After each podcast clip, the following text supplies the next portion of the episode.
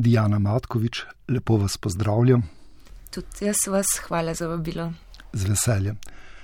Pogovarjala se bova o vaši knjigi z naslovom Zakaj ne pišem. Zakaj ste napisali to knjigo?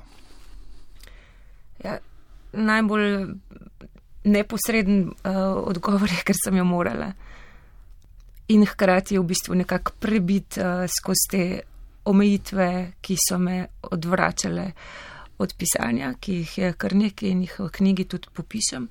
Ampak če je to tudi vprašanje, zakaj pišem, um, je odgovor zato, ker je to moj način vstopa v neko izmenjavo, komunikacijo in sem želela ustvariti en prostor, kjer bi se lahko skupaj počutili tudi slabo in šipki, uh, nemočni, jezni, kar danes ne smemo biti, ne?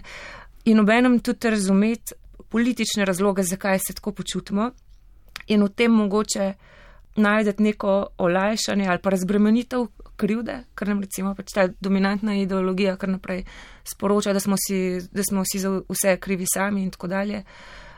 Tako da, če na kratko odgovorim na to kompleksno vprašanje, um, je zato, da bi ustvarila mogoče to skupnost, no, to je danes taka kar pogosto rabljena beseda, ampak ja. Dali ste mi kupico istočnic, prej sem vam pozabil, bom to storil zdaj. Čestitam vam za vašo knjigo, to, kar ste si prej nekako želeli kot avtorica, vam je kot avtorici tudi uspelo. Ustvarili ste neko skupnost, verjetno nekih bravk in bravcev, ki imajo lahko zelo težke življenjske izkušnje, pa se jih niti ne zavedajo, ker jih te izkušnje tako zelo bolijo. Prej ste dejali, da ste se nekako spopadli z nekaterimi omejitvami. Katerimi? Um, zato, da bi kdorkoli sploh lahko pisal, mora imeti najprej urejeno finančno preživetje. Če tega nima, um, lahko kupenih psihičnih motenj, um, ali pa tudi, ker mora upravljati druga dela, um, nima energije za pisanje. Um, tako da teh reči nisem imela vedno urejenih in tudi zato nisem mogla pisati. Potem je pa še, recimo, eden od fenomenov, ki ga razdelujem v knjigi, je tako imenovani impostor sindrom, torej uh, sindrom usiljivke, ki je značilen za osebe, ki prihajajo recimo iz uh, nižjih družbenih razredov in vstopajo pravzaprav na področje umetnosti, intelektualnih sfer in tako dalje, se jim kar naprej oglaša ta glas, da ne sodijo sem, da niso dovolj dobri, da jih bojo prej slej razkrinkali in tako dalje. V bistvu je, je cela ta knjiga o, o razlogih, uh, zakaj ne pišem, več jih je. No. Bilo je tudi obdobje, um, ko sem obmovknila po uh, nekem osebnem napadu, odkudr, javnem osebnem napadu, odkudr ga nisem pričakovala in sem potrebovala kar nekaj časa, da sem to predelala in tako dalje. No.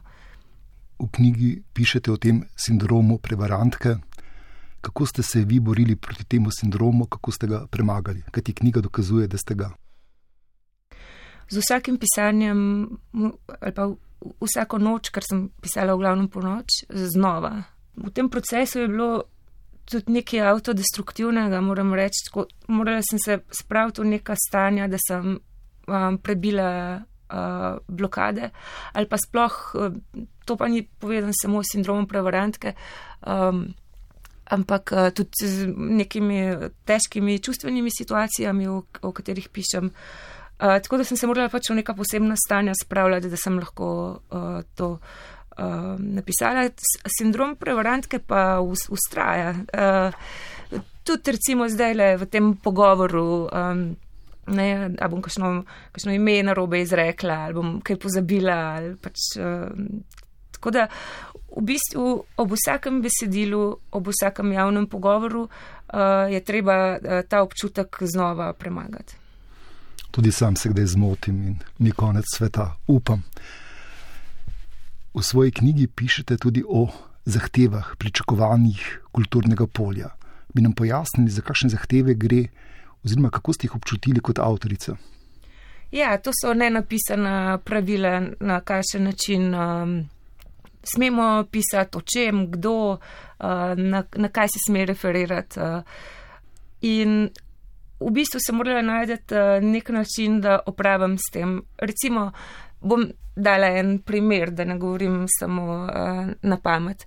Torej, um, ženske avtorice včasih radi odpravijo s tem, da rečejo, da so čustva stvar pisanja za Jano in da to pa ne sod, uh, ne vem, v uh, v literaturo, ampak ob tem vedno pozabijo omeniti, da vendar obstaja cela tradicija uh, moške literature, ki so pisali uh, o čustvih uh, na čustven način. Um, in um, recimo to je eden od um, primerov. Uh, seveda večjih je, ne smeš se tudi navduševati, kot piše um, Primoš Kraš, Kraševec krasno v enem svojih uh, besedil. Um, da je eno značilnosti ljubljanske kulture ta nenehna prežeča sumničavost. Ne, ne smemo se navduševati nad deli, nad katerimi se, do katerih se še ni opredelila neimenovana uh, komisija, uh, ki je pač uh, razsodnik za to, kar v praksi ponavadi pomeni, da gre za osebe, ki imajo največ socialnega kapitala. Ne. In šele oni lahko uh, povejo, ok, nekaj je dobro, zdaj, zdaj pa lahko to priznamo kot dobro, še vedno se ne navdušujemo. Ne. Jaz pa pač želim pisati in delovati kot polnokrvno bitje. Zdi se mi, da si nekako um, kot ustvarjalka šele moraš najprej izboriti prostor, opraviti z vsemi temi ne, ne pravili, da prideš do točke, kjer lahko uh, do svoje človečnosti in iz nje lahko spregovoriš. Se pravi, najprej moraš upraviti z vsem tem in potem šele. In to je tudi nek preboj iz uh, blokade pisanja, gotovo je. Ja prej ste omenili izgon čustev. Imate mogoče kakšno razlago, zakaj smo čustva izgnali? Težko govorim o tem, zakaj to počnejo drugi. Um, kar do, doskrat opažam in je razumljivo, je seveda strah pred izpostavljanjem. In sicer ravno zato, ker naše um, kulturniške scene delujejo kot delujejo. Um, kdor se izpostavlja, bo hitro discipliniran, um, zasramovan uh, nazaj v okvire nekega spodobnega vedenja in potem tudi izražanja, ki uh, je tako malo zakrito. Ne? Recimo tudi um, pri precej uh, slovenske literarne produkcije opažam, da gre doskrat za nek literarni konstrukt, ki je malo lažen, vice, zelo vice konstrukta, ne, kar pomeni, da je postavljen v nek uh, drug čas, ki ga avtor ali pa avtorca mogoče ne pozna zelo dobro, zato da se ne bi bilo treba soočati s tem, kar je tukaj in zdaj, kar je pač vedno težko, ne, ne, ne samo čustva, tudi. Uh, v smislu dogajanja v sodobnosti. Vedno je tudi riskantno govoriti o tem, kaj, kaj se dogaja tukaj in zdaj vrniva se k vaši knjigi. Morda je kakšna poslušalka, poslušalec, sta mogoče pomislila, da kar nekaj teoretizirava, pametujeva. Ampak to, kar ste povedali o zahtevah kulturne skupnosti, naprimer v Ljubljani, je ena izmed tem vaše knjige. In za vašo knjigo je značilno, da je pravzaprav zelo raznovrstna, hibridna, da se razvija v različne smeri, da so v njej različne energije. Kako vi doživljate svojo knjigo kot roman, kot kaj drugega? Kot hibridni roman? V bistvu se glede tega ne želimo opredeljevati. Se mi zdi, da je to stvar, uh, če uh, bo takšen interes pač literarnih kritikov in tako dalje. Sama sem pač uporabila tisto, kar sem potrebovala za to, da bi izrazila svojo zgodovinsko izkušnjo, pa tudi izkušnjo svojih prijateljev, staršev in tako dalje. In kar nekaj časa sem porabila, da sem prišla do forme, ki bi lahko zaobjela v bistvu teh 30 let, pravzaprav popisanih v knjigi. Knjigi in tudi to, kar sem um, do zdaj bralsko in izkustveno pridobila. In sem ugotovila, da je to edini način, da spajam. To seveda ne pomeni, da na ključno spajam uh, z vrsti. Um, ampak naj, naj sem mogla neko lego, kjer uh, se najbolj počutim. Bi pa mogoče to povedala, no, da se mi zdi, kar tudi v knjigi um, zapišem, da roman, pa tudi druge zvrsti esej in tako dalje, niso več, kar so bili v 19. in 20. stoletju. Takrat je, je imel roman popolnoma drugačno funkcijo, ko ljudje niso mogli potovati. Um, pač ni bilo kot danes poceni letov, ni bilo Google Earth, ni bilo interneta, ne? ampak. Um, pisanje včasih še vedno zgleda tako, da, da um, ljudje popisujejo, ne vem, um, kako je bila videti hrana, kako so videti neke ulice, to je danes nepotrebno. Ne? In hkrati, uh, mogoče bi mi kdo ogovarjal, gotovo, no, ampak. Um, in hkrati uh, se naše identitete kar naprej um, prelivajo um, z virtualnim svetom. Uh, pogosto smo uh, z eno nogo tudi v drugem uh, svetu in mislim, da iz tega izhaja tudi neko prelivanje zvrsti. Toliko o formi vašega romana. Kdo je romaneskna junakinja, kakšno je vaše razmere z njo? to je eno tistih vprašanj, ki. Um, Tako kot recimo govor o pesniškem subjek, subjektu, kadar je Uh, vendar jasno, da je pesniški subjekt avtorica ali pa avtor uh, sama. Ne. Sebi v bran ne povem, da nisem rekel, ali je roman autobiografski. ja. uh, torej, to sem kar jaz uh, najbolj, kot sem lahko. Jaz bi celo rekla, uh, bolj kot, sem, kot lahko obstajam skozi nek najbližji pogovor, zaradi tega, ker sem sledila ideji, da je treba zapisati reči, ki jih ne bi zaupala niti najboljši prijatelji ali pa prijatelji ja, glavna junakinja je pravzaprav jaz, kakor obstajam v literaturi, kar pomeni, da ne čisto identična tej zunaj literature. Vaša prvoosebna pripoved je nabita z energijo. Kako ste, nekoliko ste že omenili, pisali ta svoj roman, da ste ohranili to energijo, ta zagon, to strast, voljo do življenja, do preživetja? V bistvu precej eh, v sunkih in v krčih. Uh, mislim, precej enih eh, predpriprav ali pa naj rečem nekega prokrastiniranja tudi, um, preden sem lahko potem iztisnila in napisala, kar sem želela. Um, tako da ogromno, uh, oziroma tako, pisanje je lahko in potem, ko steče, steče vse okoli tega, preden pridem do te točke, je pa, je pa kar naporno ja. in nezdravo, moram reči. No vaša junakinja se pogosto počuti tujo. Ja, ta tujost uh, je bila nekak del um, mojega odraščanja, ta občutek tujosti. Um, pa tudi sramu, no, nekako sta šla z roko v uh, roki. Um, pravzaprav moram reči, da šele v zadnjem obdobju um, sem nekako našla svojo, da rečem temu, nadomestno ali pa oziroma izbrano družino, kot, uh, kot uh, pravi tudi uh, LGBT skupnost.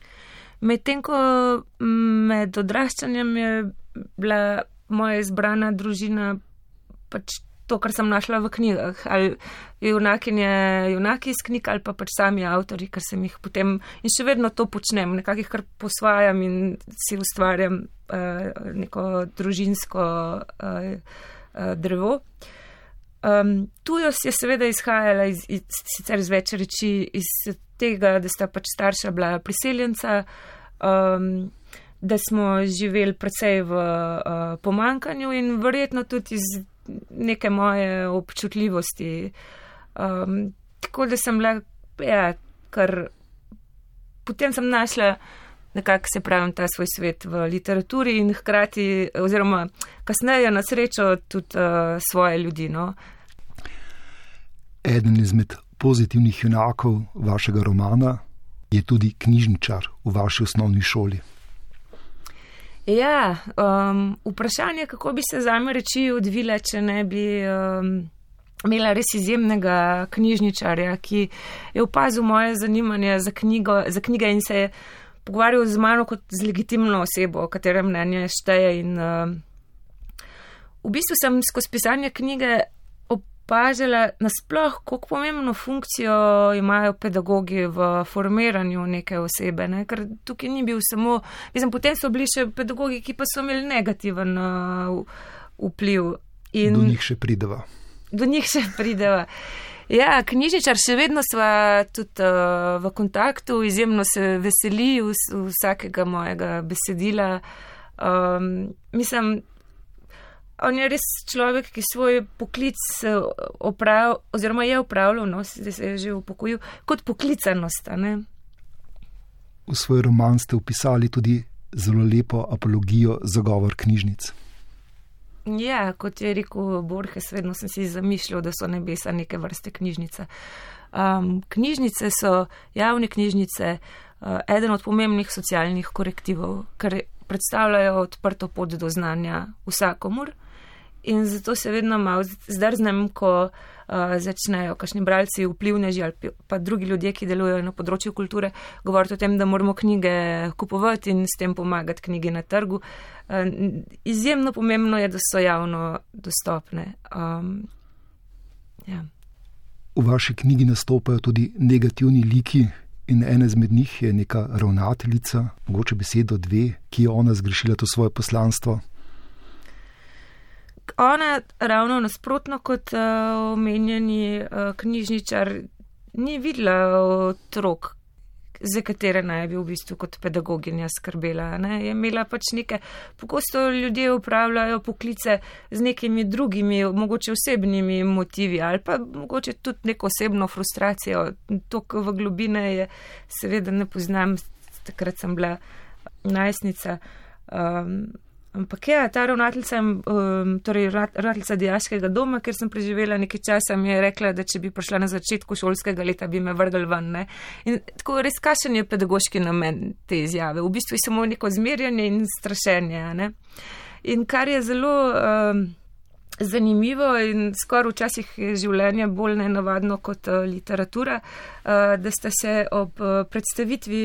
Uh, mojega prvenca uh, v Cankarjevem domu takrat 2013, um, znašla tako knjižničar, ki sem ga pač ta uh, dan srečala v mestu in ga sicer nikoli ne srečam, na ključno je pa mimo prišla tudi ravnateljica. In tako sem imela na, na, na dan predstavitve prvenca v bistvu oba pred sabo.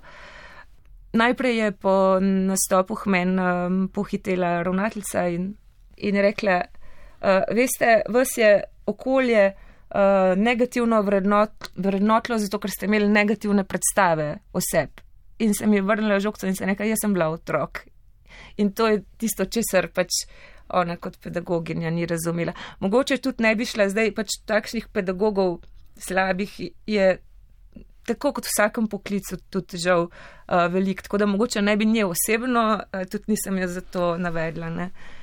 To se strinjam in vendar, glede knjižničarja, ste ga omenili mogoče v knjigi med zahvalami?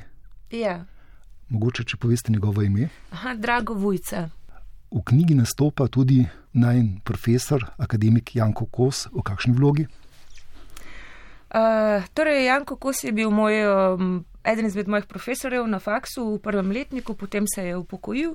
Uh, potem pa me je um, pred nekaj leti, tremi, uh, presenetilo njegovo um, besedilo v strankarskem trobilu, kjer nekako diagnosticira ljudi, ki živimo v Sloveniji in smo pripadniki več narodov in reče, da smo nacionalno schizofrenija. In se sprašujem, pač, kakšen je bil namen tega, uh, tega diagnosticiranja. Ne? Gotovo pač ne v tem, da bi uh, nam, ki smo menda bolni, pomagal do boljšega počutja, niti ne v tem, da bi. Uh, Tistim, ki to niso, uh, po, pomagal do boljšega razumevanja nas. Um, pač v bistvu Janko Kos se tukaj izraža ne, na nek kulturen, pasivno-agresiven način in sporoča, naj gremo odkudr smo prišli, ker bomo tam manj nacionalno schizofreni. In ta njegova objava me je razbesnila. Tudi zato, ker to hkrati pomeni, da v bistvu me je v literaturo, ki ima za me, uh, mislim, res mistične preživetvene vrednosti, upeljal oddelek, katerega glavni uh, ali pa ne, najvidnejši, recimo, profesor misli, da sem bolna. In um, tega sem se dotaknila tudi zato, ker so ravno takšna besedila tista, ki povzročajo to bolezensko stanje. Uh, to, kateremu narodu pripadaš samo po sebi, uh, ni boleče, če bi pač ljudje. Um, Naletel na uh, solidarnostne skupnosti, sprejemanje in tako dalje, ne pa uh, besedila akademikov, Eh, ki, ki, ki nas diagnosticirajo kot bolne. Diana Matkovič, vaša literarna junakinja je tujka. tujka pravzaprav povsod, kjer je, in nek dom najdeš le pozneje.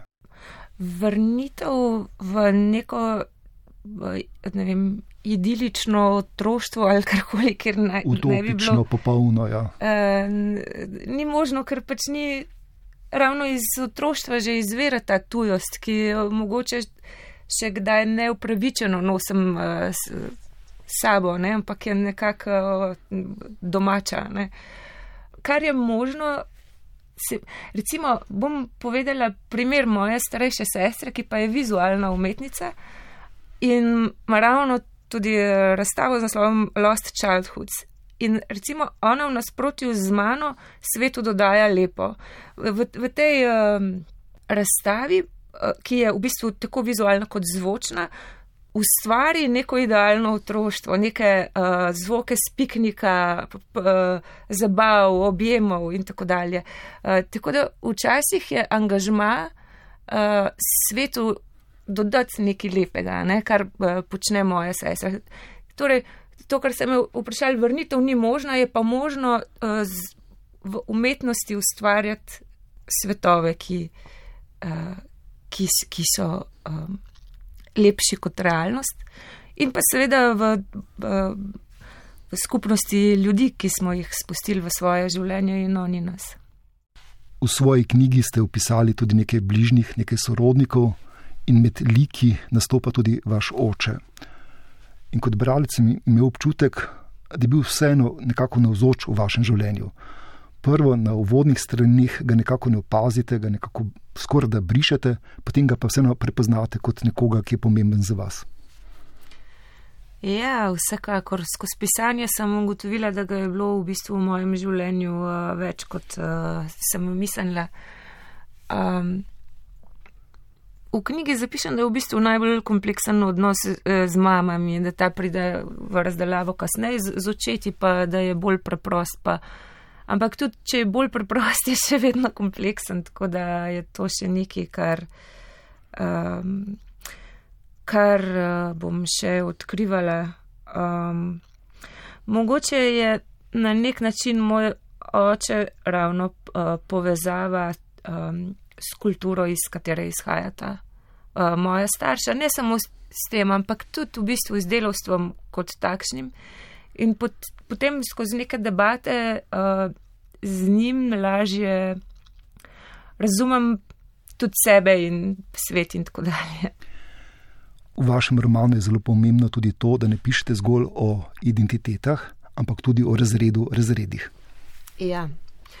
Um, to zavestno in namenoma počnem, ker um, imajo današnje identitarne politike kar nekaj težav in sicer v tem, da se pač vsakdo osredotoča na interes lasne uh, skupine um, oziroma lasne identitete, kateri pripada in obenem zanemar pač vse druge. Ne? In uh, zdi se mi, da um, možnost uh, nekega bodočega političnega boja je v preseganju identitet, v združevanju v neko razredno zavest, zaradi tega, ker za vsakim zatiranjem, za, za vsakim izkoriščanjem, omaloževanjem navadno uh, stoji nekogaršnji interes po ustvarjanju ali varovanju kapitala. Ne samo um, um, ekonomskega, ampak tudi socialnega kapitala in tako dalje. Ne? In se mi zdi, če to ozavesmo in se združimo, eh, torej eh, tako, eh, da rečem, ženski boj, LGBT, delovski boj, če uspemo v tem najdeti povezavo skupno točko, potem smo lahko izredno močni. Prav to sem vas želel vprašati, ali dopuščate možnost, da so obstajata, naprimer, razredni boj na eni strani in prizadevanja za identiteto. Ja, Um, da se to ne izključuje, ne, ali ali, ampak da je in. Mislim, da, da se imamo veliko, da se lahko veliko naučimo drug od uh, drugega. Ne. Uh, tudi nekaj o, o tem pišem v knjigi, pa tudi omenila sem že danes, recimo od LGBT skupnosti, o ideji izbrane uh, družine, od, ne vem, Black, Black Lives Matter. Um, gibanja o, o upravičenih zahtevah po reparaciji oziroma odpravnini, ki bi jo mogoče lahko tudi ženske uh, zahtevale. Uh, recimo, mi zdaj znamo, imamo podatke, znamo izračunati za 50 let nazaj, koliko so ženske manj služile. In nek, neka takšna. Uh, reparacija bi bila finančno uh, nadomestilo ali, uh, za, za uh, mogoče tudi potomke. A, uh, a si predstavljate, koliko bi ženske lahko bile svobodne, če bi se kaj tajnega zgodilo? Recimo zdaj le ob pandemiji spet beremo o porastu nasilja, nasilja in tako dalje. Ne? Seveda, ker, ker so uh, ujete v, v stanovanja, uh, iz katerih pa ne morejo finančno. Nimajo finančne možnosti, da bi se uh, osamosvojile in tako dalje. Uh, In to je ena tako, uh, rekla, verjetno kar radikalna ideja, ampak uh, ogromno se imamo z, uh, za naučiti drug od drugega. Vrniva se k vaši knjigi z naslovom Zakaj ne pišem. Bi nam prosim prebrali kratek odlomek iz romana. Anabelo sem spoznala kmalo po prvem obisku kluba K4 na Trubarevi, v baru, ki se mu je reklo Trubar in ki je tudi podnevi predvajal elektronsko glasbo. Srečala sem jo na stranišču, kjer me je ogovorila. Ne vem več v zvezi s čim. Spomnim se le vtisa, ki ga je naredila name svojo popolno neposrednostjo, neustrašnostjo. Bila je najbolj kul cool bitje, kar sem jih kdaj srečala. Karkoli sva si že izmenjali na tistem stranišču, očitno je bilo dovolj, da sva se prepoznali, ker od tistega trenutka sva bili prijateljici.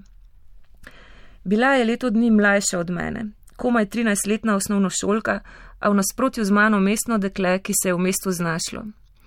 Vedela je, kje prodajajo najboljšega čokoladnega ježka in kdaj si ga kupiš, ko ti totalno sede po jointu. Vedela je, kateri lokali so kul, cool, kje in kdaj bo naslednji parti ter kdo naj bo peljal tja. Vedela je, s kom se je treba dobiti, da te bo ta oseba navabila zraven na lajno. Vedela je vse. Dovolj je bilo, da ji sledim. Diana Matkovič, hvala vam za to branje. Žal se najna oddaja naglo izteka. Tu je še kupica vprašanj, kar bi jaz moral vprašati o razmerju med mestom in vasjo, o ljubezni, ostalo bo vse to za kakšen drugi pogovor. Nekako pa je ostala tudi neizigrana karta glasbenega premora. Imate mogoče kakšno glasbeno željo, s katero bi končali današnjo dajo? Uh mhm. -huh. Na poti sem, sem poslušala PJ Harvey, This is Love in bi bila zelo vesela, če uh, lahko s, s tem komadom tudi zaključiva dajo. Mogoče z odlomkom, ne? ker je pesem nekoliko daljša. Ja. Diana Matkovič, hvala vam za vaš roman, zakaj ne pišem in hvala za pogovor. Hvala vam za pogovor, krasen in zanimiv. Hvala.